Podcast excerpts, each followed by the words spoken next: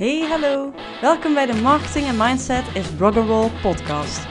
Dit is een podcast voor alle DIY-muzikanten die een groter publiek willen bereiken door middel van het verbeteren van hun marketing en mindset.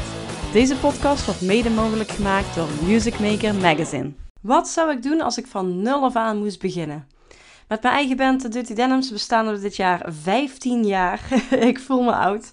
Um, en nog voelen wij dus iedere dag, of misschien in de laatste paar jaar zelfs veel meer nog, iedere dag groei in onze fanbase en ook hoe goed we zijn. En, hè, dus iedere dag voelen we nog groei. Dus dat motiveert ook om lekker door te gaan. Maar uh, ja, wat zou ik dus doen als ik nu vanaf nul zou moeten beginnen? Nou, de eerste pak een beet 10 tot 12 jaar hebben we het dus op de heel oldschool manier proberen te bouwen, de fanbase. Uh, en pas de afgelopen jaren heb ik ook echt online marketing erbij inge, uh, ingezet. En ik merk gewoon sindsdien dat het gewoon veel gerichter en veel beter gaat ook.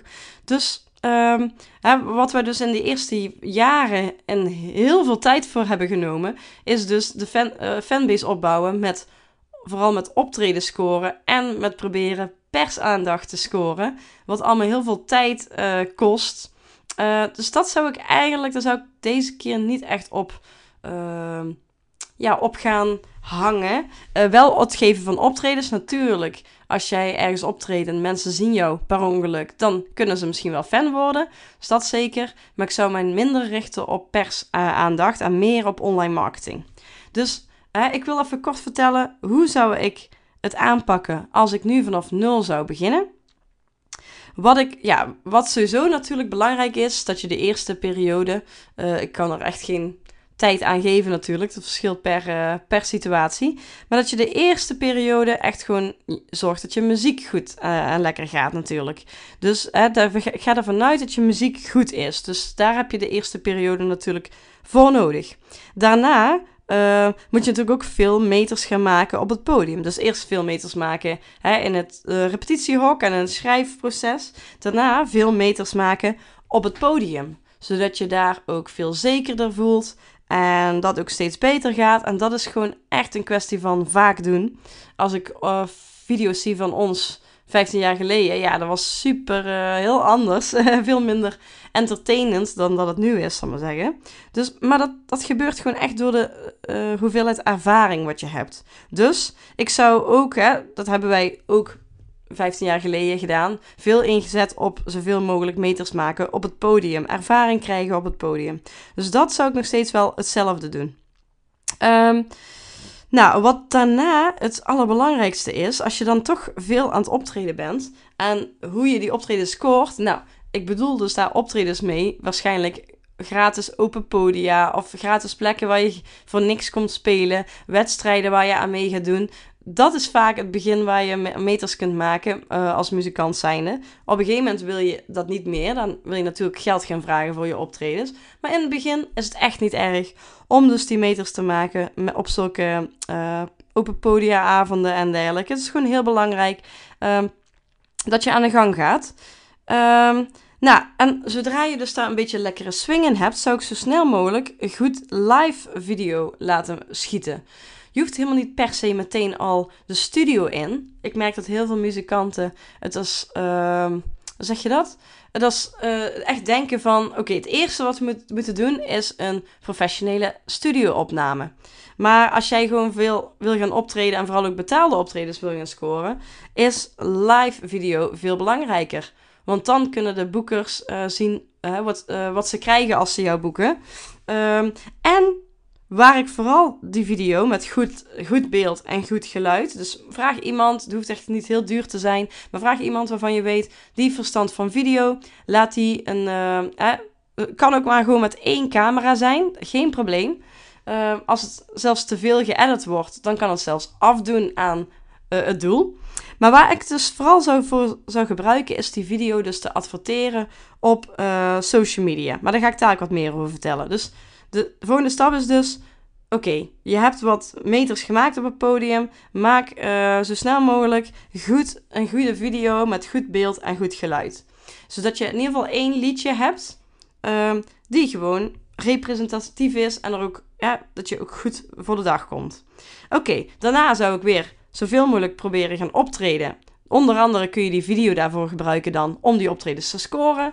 nog steeds heb je waarschijnlijk nog weinig vrienden en familie. Hè? Bij de allereerste optredens komen die echt wel kijken. Maar op een gegeven moment komen die ook niet meer kijken. Dus echt je fanbase is nog niet zo heel groot op dat moment.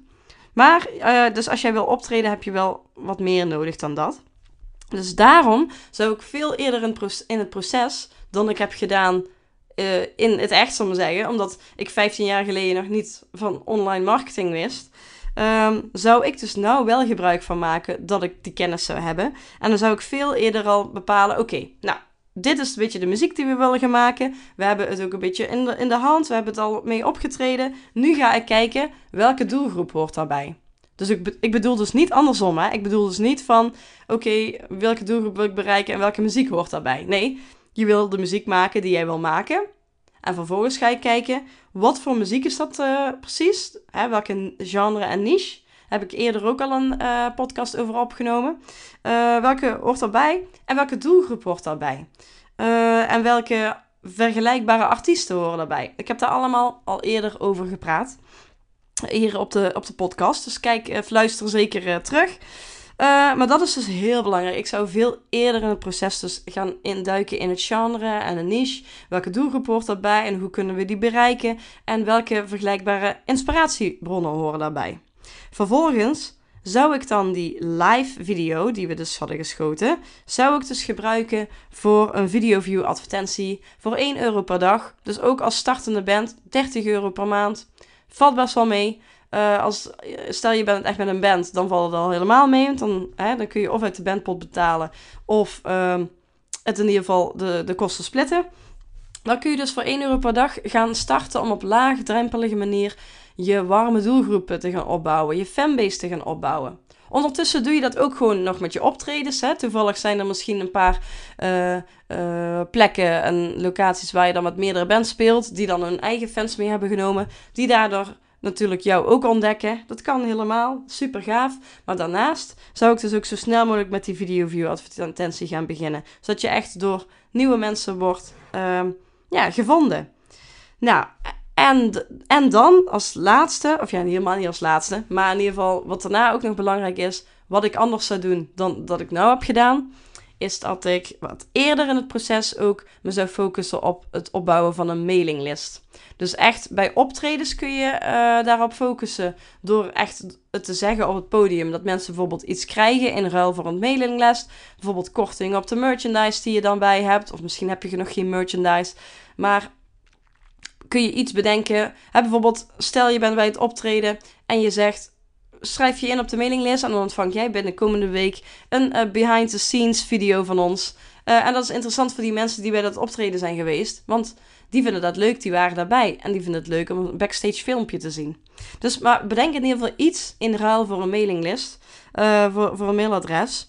En dat kun je dus opbouwen op, bij optredens. Maar dat is ook online, dat je regelmatig op je social media deelt van... hey, kom vooral ook op onze mailinglist. Want iedereen weet wat er met MySpace en Hive is gebeurd. Als wij ons nou hè, uh, alleen maar connecten op Facebook en Instagram... dan zijn we straks een sjaak als die partijen ook stoppen. Um, en je kunt dus iets in ruil aanbieden dat mensen eerder ergens toegang toe krijgen of dat ze korting ergens toe krijgen. Of bedenk iets wat bij jullie past van, hè, in deze situatie waar jullie nou in zitten. En ga echt vroeg, zo vroeg mogelijk in het proces de mailinglist opbouwen. Want daar zit echt de kracht. Uh, je bent niet afhankelijk van algoritmes. Natuurlijk, niet iedereen opent alle e-mails, maar je komt wel één op één in iemands inbox en kan iemand zelf bepalen of dat hij hem opent wel of niet. Terwijl op social media het voor mensen wordt bepaald of dat ze het zien natuurlijk. Dus als ik vanaf nul zou moeten beginnen, zou ik eerst natuurlijk even zorgen dat, je, eh, dat de muziek goed is.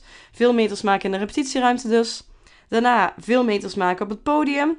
Nou, halverwege dat proces, om zeggen, zou ik zeker dus gaan investeren in een goede live video. Hoeft echt maar van één liedje te zijn in eerste instantie. Um, en dat hoeft ook, het kan ook gewoon met één camera zijn. Dus je kunt ook zelf een camera neerzetten. Maar zorg er wel voor dat het geluid goed is.